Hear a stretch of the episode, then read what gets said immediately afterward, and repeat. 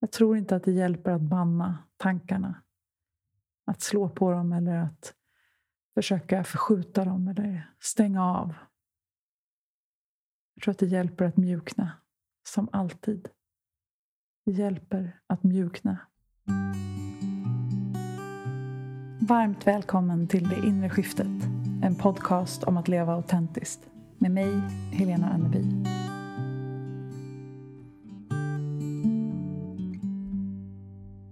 Your mind is a terrible master, but an excellent servant. Det här citatet av Robin Sharma är ett av mina favoriter för jag tycker att det pekar på den relation som jag tror att många av oss skulle må bra av att ha med vår egen hjärna, med vårt mind, med vår tankeverksamhet. Men vi lever idag i ett så otroligt hjärnfokuserat samhälle. Som om tankarna är allt. Som om det inte finns visdom bortom IQ. Och jag tror att eh, vi är många som noterar vad som är möjligt bortom hjärnan. Det vill jag prata om idag. Men först, som alltid, så landar vi här och nu tillsammans oavsett vad du gör. Om du är ute och går eller ligger i sängen och lyssnar eller lagar mat. Sitter i bilen. Alldeles oavsett vad du gör så har vi alltid råd med ett andetag. Att bara notera hur det känns när vi andas in. Hur kanske magen expanderar lite grann. Kanske hur axlarna sjunker ner lite grann när vi andas ut. Vi tar ett gemensamt andetag tillsammans. Hmm. Sådär ja. Välkommen tillbaka till det inre skiftet. Hjärnan, hjärnan, hjärnan. Vår älskade kompanjon, kanske fiende. Ett fantastiskt verktyg i den här mänskliga erfarenheten. Jag har en otroligt stark hjärna. En väldigt aktiv tankeapparat. En väldigt skarp hjärna, en uppmärksam hjärna och ett mind som alltid vill stå till tjänst. Och innan jag lärde mig att förhålla mig till min hjärna på ett lite sundare sätt så var faktiskt min hjärna chef över mitt liv. Jag lyssnade på mina tankar, jag trodde på dem. Jag upplevde mig inte ha något val i frågan. Kvaliteten på mina tankar fick avgöra hur jag skulle må den dagen. Tankarna skapade sedan känslor som ledde till handlingar som ibland gjorde att jag kände att jag inte satt i förutsättning för mitt eget liv utan som att de där triggade tankarna fick sätta igång en dominoeffekt av beteenden som ledde till en verklighet som jag inte alltid tyckte så mycket om. Därför kommer jag tillbaka till citatet av Robin Sharma. Your mind is a terrible master but an excellent servant. Vår hjärna är ett verktyg. Precis som vår kropp är ett verktyg. Vi är varken eller. Vi är den energin som tittar ut genom våra ögon. Medvetenheten som noterar allt det här. Energin som kan observera. Och utan att gå allt för djupt in i vad vi egentligen är så vill jag dela med mig några verktyg idag som jag använder nästan dagligen för att relatera till min hjärna. För mig handlar det inte alls om att stänga av någon tankeverksamhet eller räkna med att det ska bli tyst där uppe. Det blir det mycket, mycket sällan. Och när jag slutar sträva efter det så blir det lättare för mig att hitta förhållningssätt till hjärnan som gör att den får hålla på. Den kan snacka, den kan kritisera, den kan analysera, den kan försöka skrämma upp. Den kan ropa högt ibland, viska ibland. Men alldeles oavsett vad den håller på med så kan jag vara här och leva mitt liv genom min kropp, genom min intuition, genom mina sinnen, genom mina känslor om jag vill det. Jag är inte mina tankar. Jag har dem. Och för att kunna leva ett friare och rikare och lugnare liv så behöver jag hitta sätt att förhålla mig till hjärnverksamheten, till tankeverksamheten, till mindet. Så att jag kan leva bortom. Inte fast i mina tankar. Så att jag kan välja att använda verktyget hjärnan när jag vill.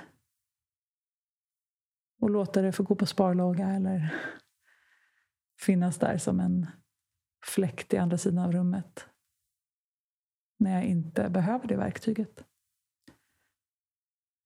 Och om du har läst hjärnforskning eller är insatt på det ämnet så kanske din hjärna nu säger att nej men, hjärnan är alltid igång. Vi kan inte välja att inte tänka eller den här tjejen förstår sig inte på hjärnstrukturer och olika delar av hjärnan och så vidare. och så vidare. Jag relaterar till det här utifrån min egen upplevelse. Det här är inte vetenskapliga argument utan bara verktyg som har funkat för mig genom åren och som jag vet fungerar på väldigt många andra personer. Och alla verktygen kommer inte heller ifrån mig. Så här kommer några verktyg som jag hoppas att du kan relatera till på lite olika sätt. Det första verktyget jag vill dela är observera. Det är det här vi ofta övar på i meditationen. Att välja att gå in i observatörsroll och se på tankarna med lite distans. Som molnen som rör sig på himlen, som bilarna som passerar på vägen. Ibland brukar jag roa mig med att se min tankeverksamhet som en liten gubbe som går omkring där inne och sopar. Han bär, han flyttar, han organiserar mina tankar. Han är ofta ganska svettig, har en hög puls, ser lite så stirrig ut i ögonen. Han jobbar hårt och han gör ett bra jobb. Men jag är inte han. Jag är den som ser på. Så genom att till exempel i meditationen men även i resten av delar av mitt liv öva på att titta på, inte gå in i. Lite som en antropolog i förhållande till mig själv.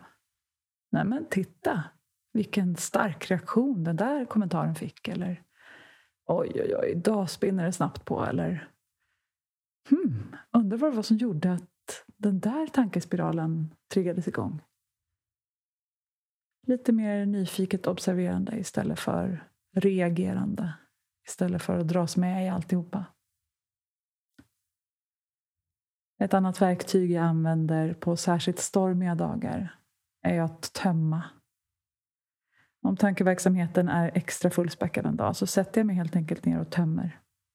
Jag bara öppnar på kranen och skriver allt som kommer. Vissa saker är nonsens. Vissa behöver jag faktiskt agera på. Vissa triggar känslor som jag behöver kunna känna. Men när jag tömt i några minuter så brukar det bli lite lugnare där inne. Som sagt, inte tyst, men lite lugnare. Embodiment, eller förkroppsligande, är ju ett fantastiskt verktyg för att komma ur hjärnan lite. Min kropp är mitt bästa nu-verktyg. Genom andetaget, genom dans, genom att ta på ett träd eller en sten, gå barfota, vara i vatten. Rörelse, hård träning eller yoga eller bara röra kroppen efter vad den längtar efter. Eller genom full uppmärksamhet på mina sinnen. Så kan jag ta mig ur hjärnan och till nuet. Det enda som på riktigt är verkligt. Ett annat av mina favoritverktyg är att separera. Att komma ihåg att jag inte är mina tankar eller min hjärna. Och att faktiskt börja relatera till hjärnan med lite mer perspektiv genom att säga att nu säger min hjärna det här. Eller jag har en tanke som säger. Genom att faktiskt relatera till min tankeverksamhet på det här sättet, både för mig själv men även i dialog med andra personer, så blir jag påmind om att Tankarna är bara en av alla saker som sker i mitt inre hela tiden. Det är full aktivitet. Men det är inte verklighet bara för att jag tänker en tanke. Och det tar mig vidare till nästa verktyg. The work. Kanske har du hört talas om Byron Katie's The Work. Det är ett fantastiskt och enkelt verktyg för att ifrågasätta våra tankar. Det är fyra frågor som kan förändra så mycket.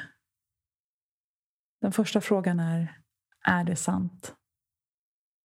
Den andra frågan är, kan jag verkligen veta att det är sant? Den tredje frågan är, vem blir jag när jag tror på den här tanken? Fjärde frågan, och vad vore möjligt för mig utan den här tanken?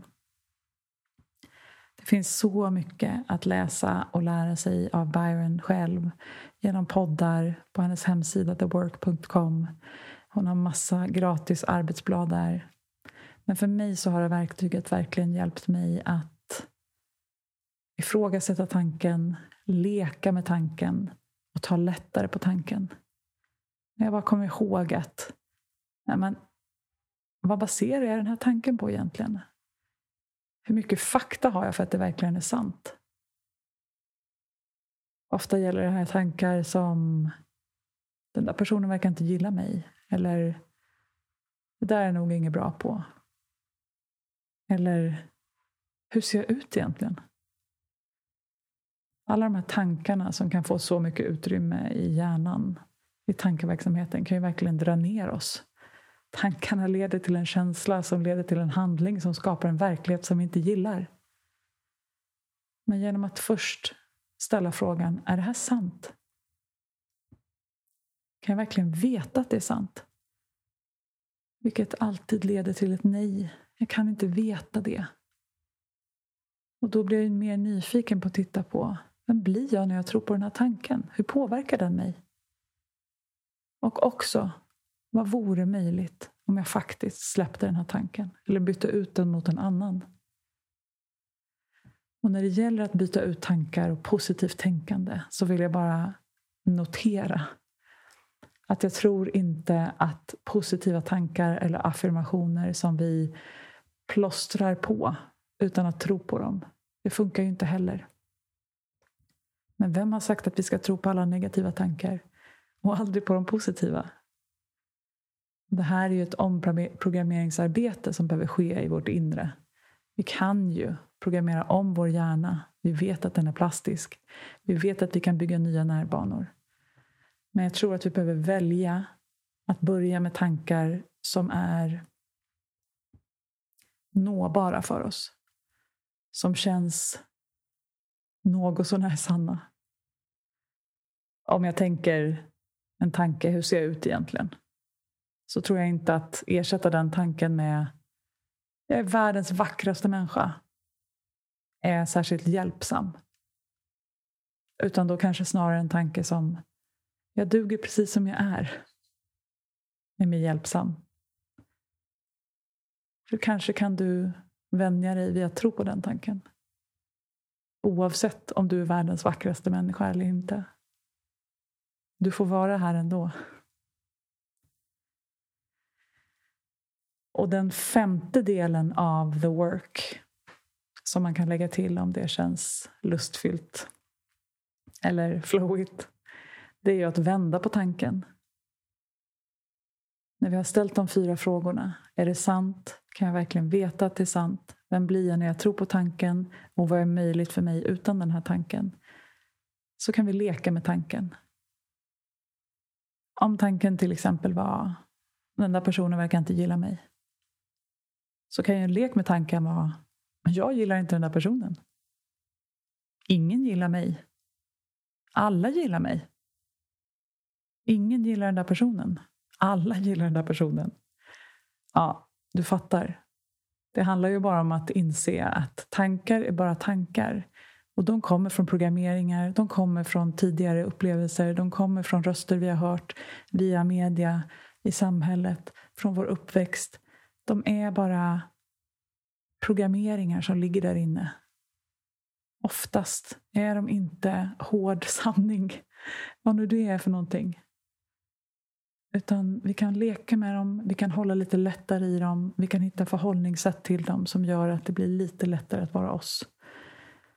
Och vi kan sakta men säkert välja mer trygga tankar, mer uppmuntrande tankar, mer sanna tankar som är aligned med kärleken som vi är. Det tar mig vidare till ett till av mina favoritverktyg när det gäller att hantera och relatera till tankeverksamheten. Och det är ju kärlek och medkänsla. Det är viktigt att komma ihåg att hjärnan eller tankarna eller egot, om vi nu vill kalla det för det, inte vill oss ont. Det söker bara trygghet och kärlek och tror att det ska nå dit genom skrämsel och kontroll. Men när vi ger den det den egentligen behöver så har den en tendens att lugna ner sig. Ibland säger jag bara älskade hjärna. Jag ser hur du kämpar och jag är så tacksam för dig. Men jag är trygg här och jag kan hålla dig. Tack för ditt jobb, för din tjänstgöring. Du kan vila lite nu. Jag tror inte att det hjälper att banna tankarna. Att slå på dem eller att försöka förskjuta dem eller stänga av. Jag tror att det hjälper att mjukna, som alltid. Det hjälper att mjukna. Och på det temat så är det viktigt att komma ihåg vad hjärnan är, dess roll, dess funktion, men också att det är en fysisk kroppsdel, vår hjärna. Och den behöver näring och vila och stimulans, precis som resten av kroppen. Så om jag ätit dåligt eller sovit sådär eller inte aktiverat den på rätt sätt på länge, då kan jag räkna med att den kommer vara lite extra stingslig. Det är okej. Okay. Då kan jag bara vara medveten om det och ge den vad den behöver för att må bättre igen. Men inte ta den på så stort allvar. Det sista verktyget som jag vill dela det finns förstås många mer, men det här är de som flowade för mig idag. Det är att resonera och förhandla med hjärnan. Kom ihåg att hjärnan vill dig väl. Den försöker skydda mig från fara. Problemet är bara att den inte är så trygg i sig själv. Den är överdrivet ängslig och den tror att jag ska dö av det mesta. Så om jag ska prova något nytt eller göra något modigt eller gå utanför min komfortzon så brukar jag behöva förhandla lite med hjärnan. Det kan låta typ så här. Okej, okay, älskade hjärna. Jag förstår att du har panik och tror att jag ska dö nu. Men jag ska faktiskt bara skriva en text. Eller ställa mig på scen. Eller släppa en podd. Kan vi komma överens om att jag testar? En gång nu, eller kanske under en vecka eller en månad. Och om det går dåligt, då kan vi alltid gå tillbaka till din kontroll, jag lovar.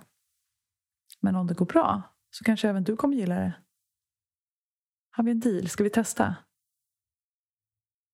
Och genom att resonera med hjärnan på det här sättet, med, tankarna, så brukar den lugna ner sig och inse att okej, okay, vi gör ett experiment. Jag behöver inte lova att för alltid göra de här läskiga sakerna eller följa intuitionen, om det nu är det hon vill. Utan att bara testa.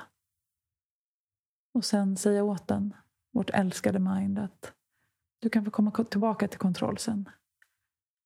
Och då kan det vara viktigt för att bibehålla tilliten i relationen med din egen hjärna. Att faktiskt komma tillbaka och checka in. Hur var det där för dig? Dog vi? Behöver vi vara så där protektionistiska framåt också? Eller kan vi prova? Och det häftiga som händer när vi vågar gå utanför vår komfortzon och ut i stretchzon över tid, det är ju att komfortzonen växer. Jag vill att du ser framför dig komfortzonen som en liten bubbla i mitten och runt den så är en cirkel där det står stretchzon och utanför den så ligger riskzonen. Det är viktigt att komma ihåg att när vi testar nya saker som hjärnan kan få panik av så vill vi inte gå från komfort rakt ut i risk, för det blir alldeles för läskigt. Vi behöver ta hand om oss själva längs vägen när vi provar nya saker.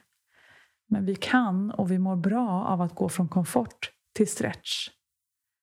Och sen hem till komfort igen och vila i det som känns tryggt och inte alls läskigt.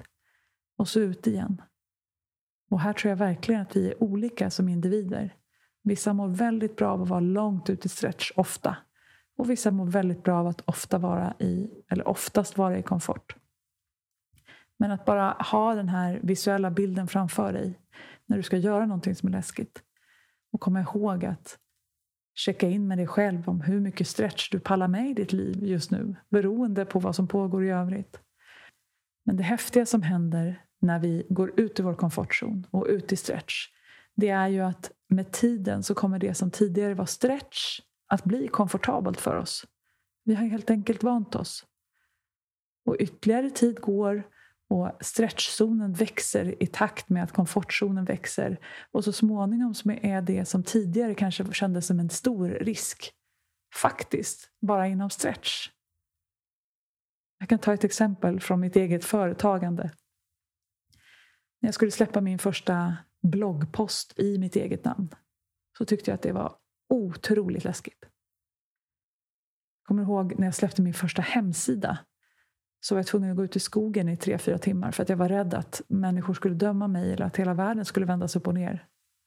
Jag kom tillbaka efter fyra timmar och inte mycket hade hänt.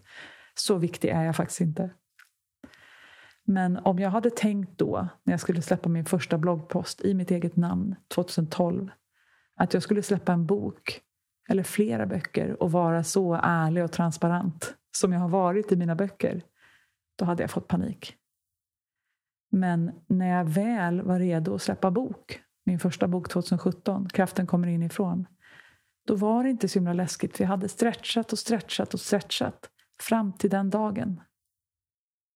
Och för mig att idag sitta och spela in podd, det hade för fem år sedan känts otroligt läskigt. Och idag känns det bara som stretch. För jag har fortsatt att stretcha och stretcha och stretcha. Och min komfortzon har expanderat och därmed också mitt livsutrymme. Så det som tidigare var risk är nu bara stretch. Och jag har ingen aning om vad mitt liv vill ta mig framöver. Men för att jag ska våga hänga mycket i stretch och utöka mitt livsutrymme och därmed mina livsupplevelser så behöver jag kunna hitta förhållningssätt till min hjärna. Att resonera med den, att ge den kärlek, att observera den, att separera mig från den, att inte tro på alla tankar. För det är först när jag gör det som jag inser att jag inte är mina tankar och jag kan välja att leva mitt liv beyond the mind, ledd av min intuition. Och intuitionen är förstås någonting som vi kommer komma tillbaka till och prata mycket mer om. Så vad finns då bortom? Bortom tankeverksamheten, bortom hjärnan. Ja, för mig är det intuitionen, det är närvaron, det är upplevelser av livet som jag faktiskt är där för, med hela jag. Min hjärna har faktiskt svårt att förstå och ta in det mest fantastiska i mitt liv. Men jag vet ju. Jag är inte min hjärna. Jag har mina tankar. Och jag älskar min hjärna. Den är helt fantastisk. Den hjälper mig på så många sätt varje dag. Jag skulle inte vilja uppleva livet utan den. Jag kan inte uppleva livet utan den. Men när den får sin rätta roll i mitt liv så blir mitt liv så mycket större och friare och rikare. Kanske är det samma för dig.